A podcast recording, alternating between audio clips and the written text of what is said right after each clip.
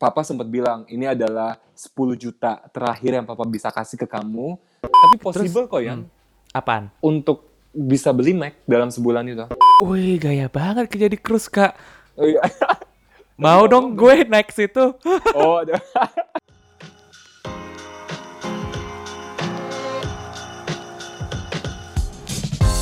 Hi, you're listening to Get Real with Ryan, a podcast that inspires people to show the real side of them with the purpose of sharing valuable knowledge and also learning from each other's life experiences as a lesson and a process to us. My name is Ryan, and let's get real.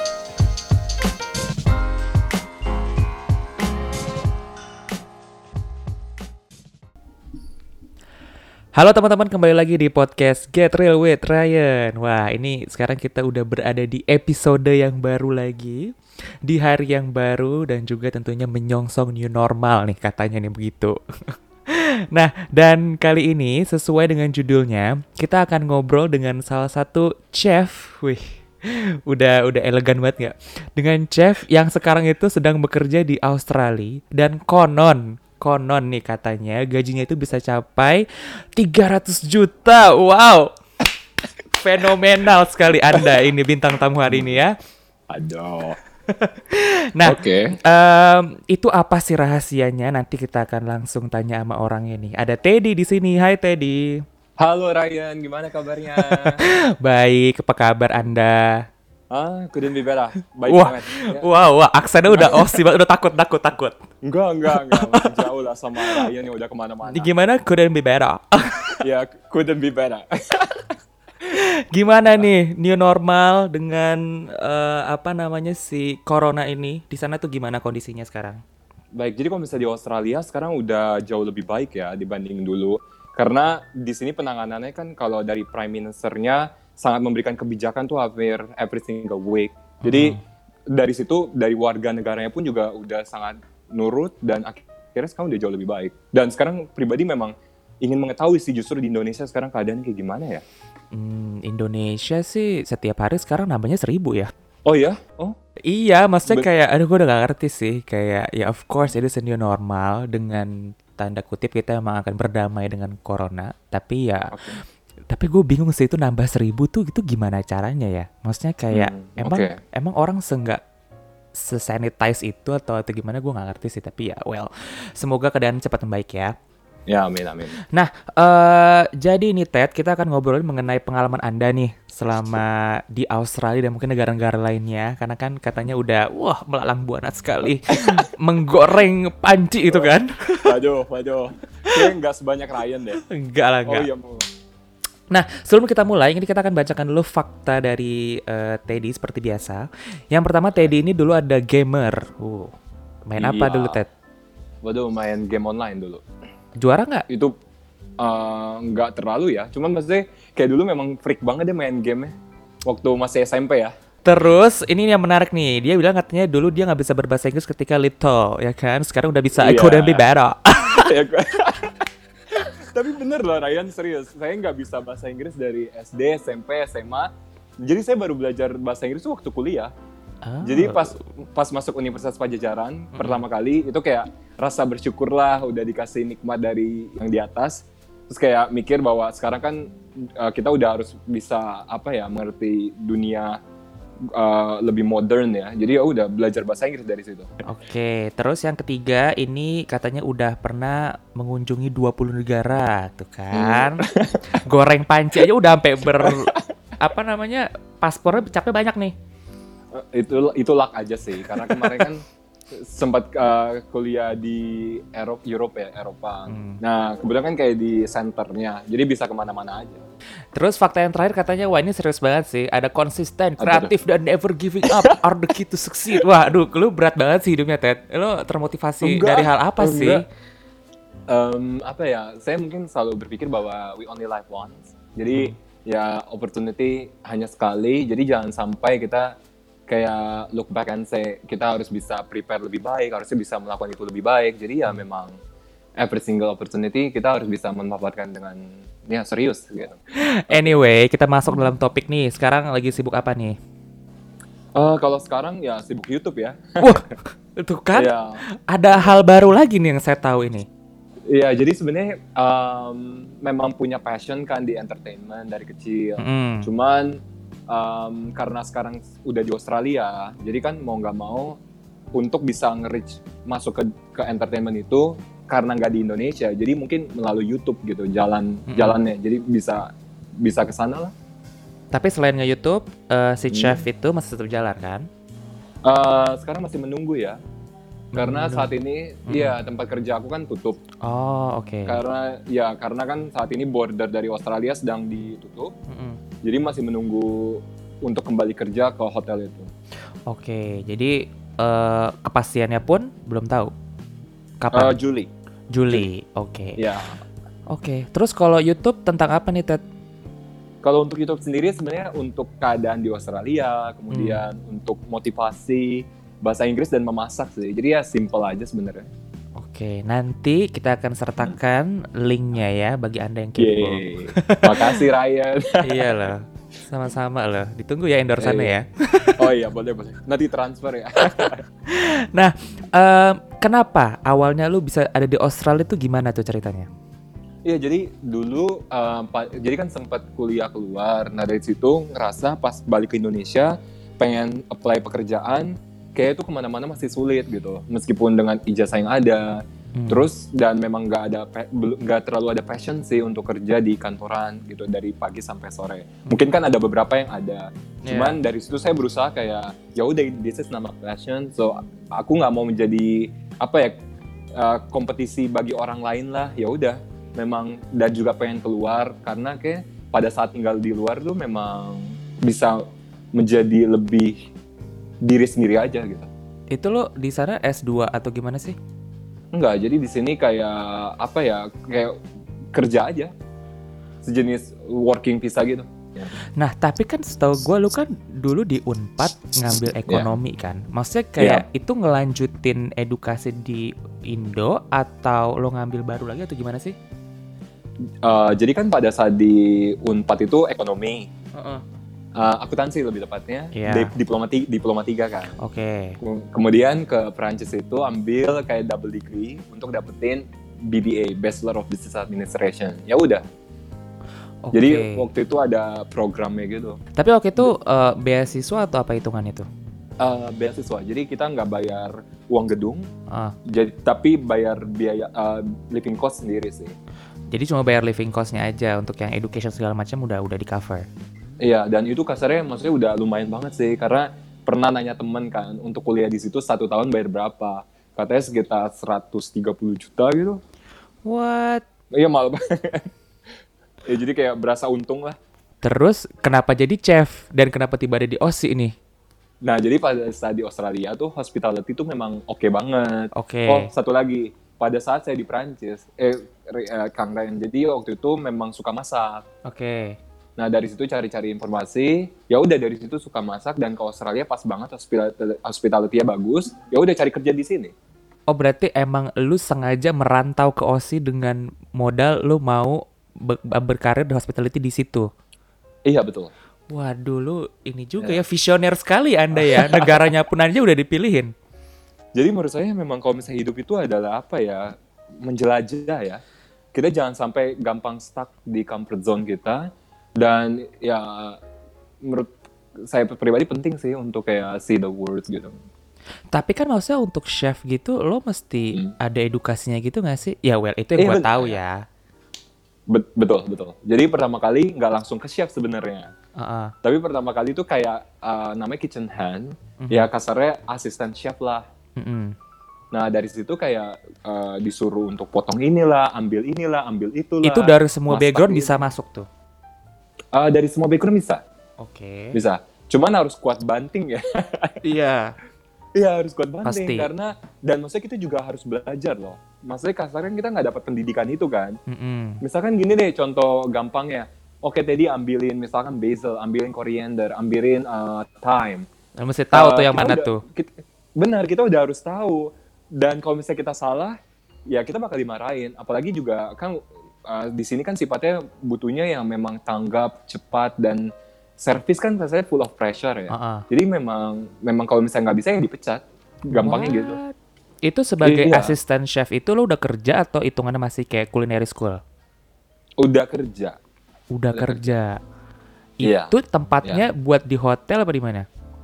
Aku waktu itu pertama kali di cafe. Oke, jadi di Iya. cafe di di Prancis. I, enggak di Australia. Oh, jadi pure bener-bener lo jadi chef nih, ini di Aussie nih.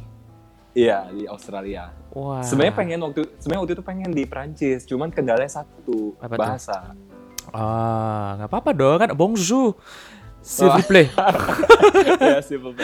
Eh, S'il vous plaît, kan? eh, Iya, nggak bisa. Kalau misalnya di Prancis tuh memang dia tuh bener-bener harus bisa bahasa Prancis yang sangat kental ya, sangat strong gitu. Kalau misalkan bahasa Inggris mereka nggak tahu terima, ya. kan? Oh. Iya, gitu kan sebenarnya prinsipnya Perancis. Nggak tahu ya, ini yang aku Iya. tangkap. Kalau misalnya kita di Perancis tuh, kalau kalian nggak bisa berbahasa Perancis, mending jangan di sini deh gitu kasarnya. Oh, Memang gitu. kita butuhnya itu sih yang aku tangkap ya pada saat di sana. Oke. Terus di cafe itu berapa lama lo kerja di situ, Ted? Um, lima bulan? Lima bulan tuh jadi asisten chef itu. Iya, kurang lebih. Terus lo disuruh ngapain aja? Tadi selain motong, suruh apa lagi tuh? Eh, banyak ya, bahkan cuci piring juga. Oke. Dan maksudnya em, penuh ba- banyak tekanan deh dan dimarahin juga Hmm. banyak banget ya banyak hal-hal kayak gitu sih. Tapi lo berarti belum disuruh untuk kayak prepare the dish as in kayak ya udah lo create create the dish itself itu belum. I did that after two months. Hmm. Jadi setelah dua bulan, ya kasarkan butuh kayak pembiasaan gitu ya. Hmm. Nah setelah dua bulan akhirnya mulai diajarin dalam proses pembuatan makanan. Oke, terus lo masak apa Ted pertama kali Ted di situ? Masak pertama kali apa ya? Udah udah lama banget. Kapan sini berarti? Oke. Eh, 2018. Oke. Em, kayaknya banana bread deh. Oke, itu enak sih. Iya. Oh, Tapi gampang banget loh Yan bikinnya. Oh ya? Iya gampang gampang banget bikinnya. Sebenarnya pisangnya tuh dikit, yang banyak tuh gulanya. Wah, Jadi nggak bisa sih. Iya buat yang nggak, iya sama nggak, no no sugar. Terus lima bulan di situ, eh, Hmm, itu berarti orang osis semua ya, yang yang yang apa? Sesama pekerja ya? Yang kerja. Iya kebetulan waktu itu kafiku orang osis semua sih. Bahasa pun kendala waktu itu. Oh, oh, ini aksennya ya? iya aksennya ya kan mereka strong banget. Iya kayak British kan ya. Apa ya? Gue tuh find it very interesting. Iya iya. Iya very interesting. But mereka tuh kadang nggak, maksudnya kan waktu itu juga baru datang ya. Terus kayak, aduh mereka ngomongnya kayak kita ngomong bahasa Indonesia aja jadinya. Selain bahasa, adaptasi susah lagi nggak nih? Kalau adaptasi sih, alhamdulillah waktu itu nggak terlalu ya Yan ya. Karena mungkin udah udah kebal sendiri waktu di Prancis ya. Jadi Uh-uh. maksudnya pada saat di Prancis kan juga udah sempat uh, ber uh, apa sih warawiri ke beberapa negara tetangga. Heeh. Jadi udah udah inilah udah sang, udah terbiasa gitu. Oke, jadi, Jadi pada hmm, saat hmm. datang ke pada saat ke Australia pun nggak terlalu culture shock sih sebenarnya. Yang culture shock pada saat ke Prancis pertama kali. Ehm, Oke, terus setelah dari cafe itu lima bulan, terus lo ke ke mana lagi Ted? Jadi sebenarnya pada saat di cafe itu bukan cuma kerja di satu tempat ya, tapi ada kerja di Oh. tempat lain juga. Oh, Iya. Anda kejar setoran ya? Iya. betul banget, betul betul. A- Aku kerja ada di apa yang dicari? Karena kalau misalnya tinggal di Australia tuh memang apa-apa mahal ya. Oke. Dan maksudnya kalau misalnya kita di rumah pun tuh- di rumah pun tuh bosen. Memang kita harus bergerak gitu. ada kan dua tempat lagi kan berarti. Nah itu tuh tempat apa aja tuh? Tempat kedua di restoran Mhm. dan tempat yang ketiga di sorry, aduh lupa namanya apa ya? Cruise. Ya, di cruise. Wih gaya banget kerja di cruise kak. Oh, iya. Mau dong gue naik situ. oh. Tapi cruise-nya bukan cruise internasional ya. Jadi cruise cuma sekitar Sydney aja. Ya waktu itu memang sangat unbelievable experience kali ya. Iya, karena iya, emang kayaknya gue kayak, kayaknya gue emang anak Nora aja sih Iya. kayak wow wow gitu kan. Enggak lah, enggak. Pertama kali maksudnya juga norak banget ker- ker- kerja eh, dengan environment yang bergerak kan. Oke kita bahas satu-satu. Dari si restoran. Restoran itu restoran apa? Restorannya pertama kali itu restoran Aussie sih. Iya. Restoran Aussie makanannya apa ya? Iya, se- sebenarnya gini ya kayak gak ada khasnya sih sebenarnya. Um, pokeball, Oke. salmon, steak kayak gitu sih. yang Kayak yang yang western lah ya. Ya, western, ya, exactly. The western kan agak-agak beda ya. Kalau tadi kan lebih ke pastry kan yang banana bread itu kan. Iya. Yang di cruise itu apa? Kalau di cruise itu lebih ke fine dining kali ya. Oh, oke. Jadi dia ada mm, ada appetizer, main course sama dessert. Oke. Nah, jadi uh, si itu kita namakan namanya function. Mm-mm. Function tuh kasarnya kita udah tahu misalkan ada 150 uh, 150 orang yang datang gitu. Mm-mm. Jadi kit- jadi kita menyediakan 150 porsi makanan. Itu namanya function. Itu emang setiap hari ya buka berarti dia. Eh tergantung ya. Kalau misalnya ada yang booking kan. Oh, jadi oh berarti technically lu yang daily job basisnya cuma dua job yang tadi. Cuma kalau ada event lu dipanggil gitu. Betul, betul. Ngomongin soal tiga tempat ini menarik nih. Apa nih Iya. antar eh, perbedaan antara tiga tempat ini nih? Kalau menurut aku sih kerja yang paling berat tuh di kapal ya. Karena di kapal itu memang pressure-nya paling tinggian. Itu tinggi banget. Karena eh, juga mungkin fine dining kali ya. Jadi kasarnya kalau misalnya kita udah telat waktu sedikit aja kan mainannya komplainnya tuh parah banget. Jadi memang mau nggak mau memang kita harus cepat tanggap. Jadi memang udah harus mengerti lah. Hmm. Nggak bisa lagi yang namanya masih belajar, apalagi kalau misalnya belajarnya lama kayak gitu. Kalau yang lain ya juga jadikan pembelajaran aja sih setiap harinya. Terus juga bersyukur. Mungkin kalau di restoran lebih friendly kali ya orang-orangnya, makanya suka. Iya. Ya soalnya mungkin kalau cruise kan mereka udah bayar mahal kan. Jadi kayak mereka expect something in return gitu loh dari sisi service dan makanan. Ya nggak sih? Iya, bener, iya benar banget, benar. Oke, nah terus ada ini nggak Ted pengalaman unik, let's say kayak em, lo diomelin customer atau gimana sih gitu? Ada hal yang menarik nggak? Waktu ini tapi bukan yang pas awal-awal, ini udah di hotel nih. Oke. Eh, kerja kemarin eh, kan tanggung jawab sama breakfast kan. Mm-mm. Nah, kebetulan karena hotel itu bintang 5, nah jadi kan ekspektasi dari customer itu memang guestnya sorry, sangat tinggi banget kan. Mm-mm. Nah, eh, tapi kan aku tuh kerja lima hari, sedangkan dua harinya tuh di cover sama orang lain. Mm.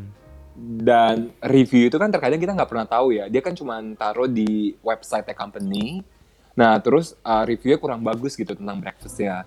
Terus Oke. akhirnya uh, foto itu dikirimkan ke head chef aku. Mhm. Kemudian head chef aku marah ke aku.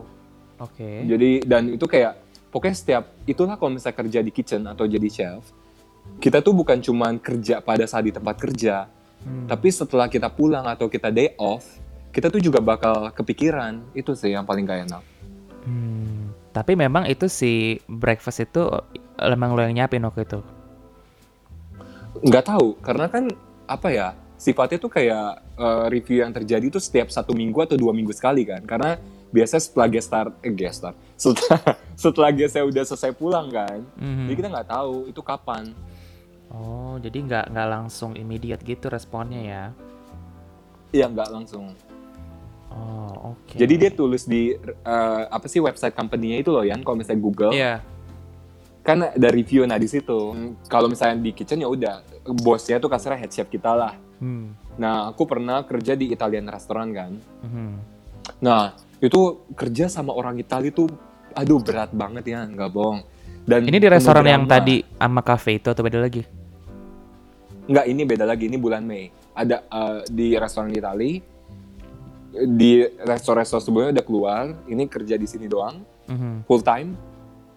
Nah, kemudian chef tuh bener-bener galak banget. Hmm. Dan dia juga milih orang sangat picky sih. Udah kayak Gordon Ramsay belum? Jadi, iya, iya, more or less. But, iya, dia lebih tinggi sih. Dia kayak Chef Juna lah kasarnya kalau di Indonesia ya. Iya, kayak gitu, kayak gitu. Tingginya kayak gitu, tatonya gitu, galaknya kayak gitu. Cuma ini versi Itali. Em, pernah salah, terus kayak di, aduh bukan dipukul ya, kayak Hah? disentuh aja gitu. Apanya tuh Iya, sentuh? iya. Masa lu didorong? Eh, ya kurang lebih di bagian belakang lah karena kan dia di belakang aku memang Emang boleh ya Jadi kayak gitu itu ya? memang- nah iya makanya waktu itu kayak kaget kan physical ya. maksudnya kayak ya tapi bukan ke aku doang ya memang memang banyak gitu Tapi itu memang biasa Cuma seperti itu atau itu hal yang anomali? enggak lah enggak enggak sih. Enggak pernah maksudnya kayak enggak pernah sih sama sebelum sebelumnya tuh siapa pun cuman ya udahlah maksudnya kayak aku juga aku selalu berusaha kayak ya udahlah down, to earth kali ya. Maksudnya dia memang punya skill itu dan aku enggak. Ya meskipun memang harusnya nggak kayak gitu ya cuman ya ya udahlah. Nah, sekeliling kita memang tahu dia tuh kayak gitu keras. Cuman baik sebenarnya orangnya. Dan apa ya menjadi chef seperti kayak Gordon Ramsay, Chef Juna mereka tuh sebenarnya punya tujuan kenapa sifatnya kayak gitu. Karena jangan salah ya yang aku tangkep ya Hmm. ketika kita bersama dengan head chef yang kasarnya sifatnya seperti lunak lah itu terkadang kita seperti bisa jadi spoil. Tapi kalau misalnya memang ada tekanan gitu mau nggak mau kita akan apa ya terus bergerak terus bergerak gitu. Hmm, jadi tetap termotivasi ya kerjanya juga. Iya cuma memang waktu itu kaget sih wah iya sih kalau misalkan diomelin gitu atau dipukul gitu sih, wah, gua sih langsung kayak, wow, I mean seriously ya Nggak, Iyalah. tapi serius eh, cuman kayak cuman kayak nyentuh aja sih oke, nggak kayak diajak berantem kalau mungkin ini kali ya pernah masuk rumah sakit kali ya capean. Iya, iya, iya. Jadi waktu itu aku kerja hmm, empat atau lima tempat. Aku pernah di bulan Februari. Hmm. Nah, tapi dalam sehari itu cuma tiga sih. Em, lupa makan sama minum. hmm, Terus malamnya itu kerja di cruise kan. hmm. Makan, aku makan prawn. Perut anda Iya, langsung. jadi langsung seafood kan. Mm-mm, Sedangkan seafood salah satu makanan yang bahaya juga. betul. Jadi pada saat itu kayak uh, langsung parah deh nggak bisa nafas. Jadi jadi waktu itu kayak ngerasain nggak bisa nafas dan serem banget kayak udah mau, aduh serem deh sampai nggak mau sebut. Terus disuntik kan sakit. Oke. Itu baru-baru ini. Iya itu 2019 awal. Terus yang tempat terakhir ini hotel doang nih, si bintang 5 ini.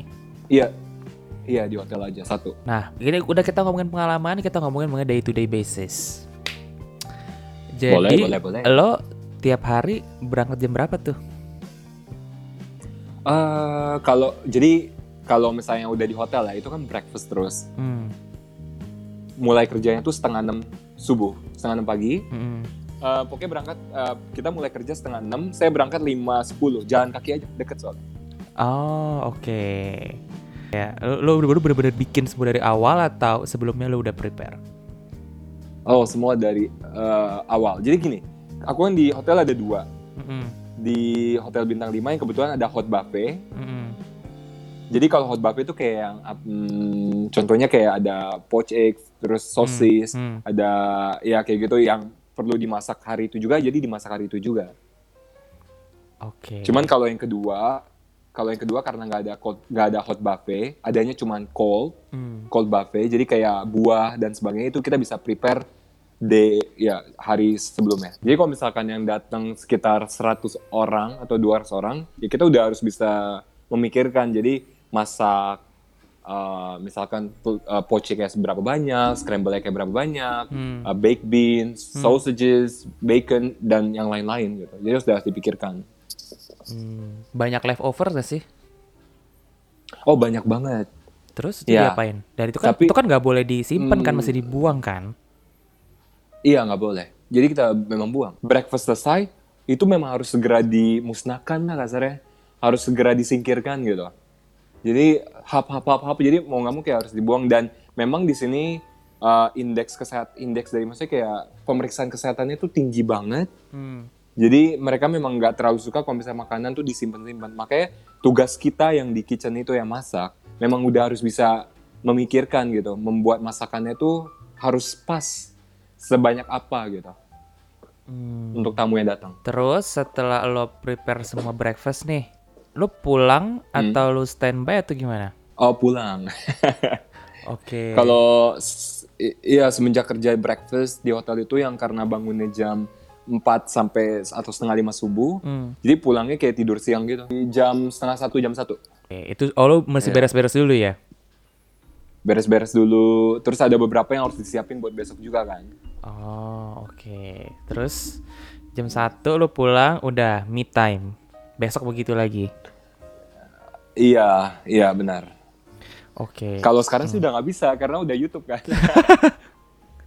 iya. Nggak apa-apa lah, Itu sih yang ya. pelan-pelan. Kan sekarang kayaknya subscriber udah Iya. bisa udah bisa apa namanya memenuhi standar buat monetize. Iya, itu udah. Tapi kan yang menitnya belum, masih jauh perjalanan. Tuh, jadi Masih jangan lupa ditonton. Teddy Cahyadi. Tetap oke, promosi. oke. Nah, Oke. em, iya. ngomongin soal angka yang fantastis tadi nggak apa-apa nih ya. Kan udah di-mention di YouTube Anda. Monggo, monggo. Dan apa Hmm, oke, benar lo jadi menerima mungkin- angka segitu? Oke. Mungkin pertama kita lihat dari basicnya dulu ya. Jadi kan Australia ini kan memang menjadi top 5 ya. Dengan gaji yang tinggi. Mm-mm. Kemudian eh, kemudian dari segi mata uang pun kalau misalnya, di, maksudnya kalau misalnya kita ratekan ke Indonesia juga udah tinggi juga kan. Mm-mm.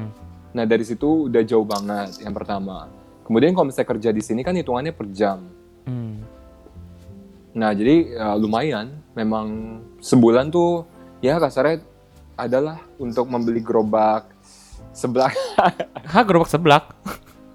enggak sih, enggak sih. Eh, leb- eh, le- eh, ya kurang lebih lah. Gak enak sebut ya. Beli MacBook dapat lah ya. MacBook Pro. Eh, iya iya iya. Iya. Kalau bisa ya nabung-nabung. Oh, nah bener. Ih, Terus terus possible kok Yan apaan? untuk bisa beli Mac dalam sebulan itu. Iya, karena memang apa ya, seperti aku bilang tadi, Australia kan memang masuk top 5. Hmm. Nomor satunya kan US ya kurang lebih ya. Dan Iya, tidak- jadi buat teman-teman yang mau tahu bisa lihat YouTube saya. Gila lo udah promosi berapa kali? Oh my god, gue mesti dibayar abis ini, Jack. iya. kan nanti aku promosi. Kan Apa? podcastnya nanti aku promosi di Instagram. Ya bilang podcastnya udah dua dua ribu di play loh di Spotify loh. oh iya iya. Jangan lupa cek Instagramku juga ya. Oke, Eh, lo amazing loh. Ini btw teman-teman, Oh, ini Teddy ini lo umur berapa sih Ted? Beda. Kita kayak sama deh yang sebenarnya. 94. Aku 95 loh. Oh, Oh, beda, beda setahun. setahun 95 berarti tahun ini 25. Teddy Cahyadi luar biasa. Terus kalau misalkan em, expert di kuliner, jadi lu bagian apa nih Ted? Bisa dibilang lebih ke pastry atau eh, main course atau gimana? Oke. Kalau aku bisa bilang mungkin Italian sama dessert kali ya. Pasta, pasta. Kayak gitu, gnocchi kayak gitu. Wah, gue pengen banget makan gnocchi. Iya. Iya. Terus dessert dessert apa? Kalau dessert eh, apa ya? Lumayan sih kayak simple-simple sebenarnya kayak cheesecake terus apa, cookies. Apa ya kue-kue gitu. Terus ada rencana apa lagi Ted selain itu Ted? Balik ke Indo atau mau stay di sana atau mungkin ke negara lain? Well, jadi sebenarnya pengen banget ke US ya. Hmm. Sebenarnya tapi sebelum Covid ya Iya. rencana itu. Dan apalagi sekarang udah aduh, US parah banget kan gara-gara kemarin juga ada kekacauan itu. Iya, plus coronanya udah 2 juta sih. Iya. Dan maksudnya kemarin sekarang pun rasisnya juga udah tinggi banget kan gara-gara ada Mm-mm. yang kemarin meninggal kan. Mm-mm. Jadi belum tahu sih sekarang kayak masih stay dulu di Aussie. Hmm. Kayak balik ke Indo tuh bulan September Oktober deh. Kalau emang emang balik for good atau liburan. Cuma dua bulan, tiga bulan. Jadi rencana du- balik dua bulan, tiga bulan itu pengen ini sih mau ke gym ya. Mau sewa personal trainer. Wah, emang beda Nggak nih seorang satu nih. Biar mumpuni jadi youtuber ya anda ya. Terus harus penampilan oke. Ketika pakai baju Iya. chef nanti kayak Buffy, gila aduh, sih. aduh, aduh. Iya, jadi maksudnya kayak pengen clean saja gitu. Sekarang kan makanan udah clean. Jadi pengen apa ya? Memang pengen bersihin aja semua hal-hal yang udah dulu sembarangan gitu. Ya. Em, terakhir nih Ted, kan lo juga udah di OC berarti lumayan lama kan? It's been a Oke. couple of years gitu. Nah, em, what keeps you going sih actually untuk kayak oke nih ini gue harus bisa sukses di sini, gue harus jadi chef di sini harus oke dengan dengan dengan ap- mimpi lo gitu. Itu tuh what what keeps you apa namanya survive there? Mungkin karena tuntutan hidup kali ya, Yana. Hmm. Jadi waktu Prancis itu, Papa sempat bilang kalau misalkan Papa udah nggak bisa ngasih duit banyak lagi, maksudnya udah nggak bisa terus ngasih duit terus lah selamanya ke Teddy ya kan. Hmm. Karena selama di selama ini kuliah, waktu di Unpad bahkan di Prancis, living cost-nya tuh masih bergantung sama orang tua kan. Hmm. Jadi kasarnya 22 tahun dibiayai sama orang tua lah. Terus akhirnya ya udah sekarang Teddy waktunya memang untuk mencari uang sendiri. Dan waktu itu memang nggak peng nggak mau sih untuk kerja di, maksudnya lebih, maksudnya prefer untuk kerja di luar. Jadi pada saat sampai di Australia, memang Papa sempat bilang ini adalah 10 juta terakhir yang Papa bisa kasih ke kamu. Hmm. Setelah udah setelah ini udah nggak akan Papa kasih lagi uang ke kamu. Dari situ memang mau nggak mau jadi harus apa ya kebakar semangat untuk eh, mencari uang. Anjir, dan lo beneran puter duit tuh 10 juta sampai sekarang Ah. udah Iya loh ya, maksudnya nggak nyangka juga sih. Iya nggak nyangka juga kamu ngomong gitu. Maksudnya kayak apa ya? Sekarang udah lebih enak aja, maksudnya lebih independen ya. Hmm. Nggak pernah minta uang lagi sih jujur. Kalau misalnya boleh jujur, itu adalah uang yang benar-benar terakhir yang pernah minta ke papa sih. 10 juta pada saat awal. Wow, oke. Gila, perjuangan Teddy dari uang 10 juta terakhir papa sampai sekarang udah bisa beli MacBook sebulan. Mantap. Weh, So, Teddy thank you so much udah cerita nih mengenai pengalamannya. ya thank you so much for having me. Ya, semoga di bulan Juli langsung udah mulai bisa kerja lagi. Semoga tetap Amin. sehat di sana, stay safe dan ya pokoknya yang terbaik. Ya, makasih. Begitu pula juga Ryan dan semua teman-teman di Indonesia ya. Oke. Nah, teman-teman thank you so much nih udah dengerin di episode kali ini. Jadi nanti kita ketemu di episode selanjutnya ya. Bye bye.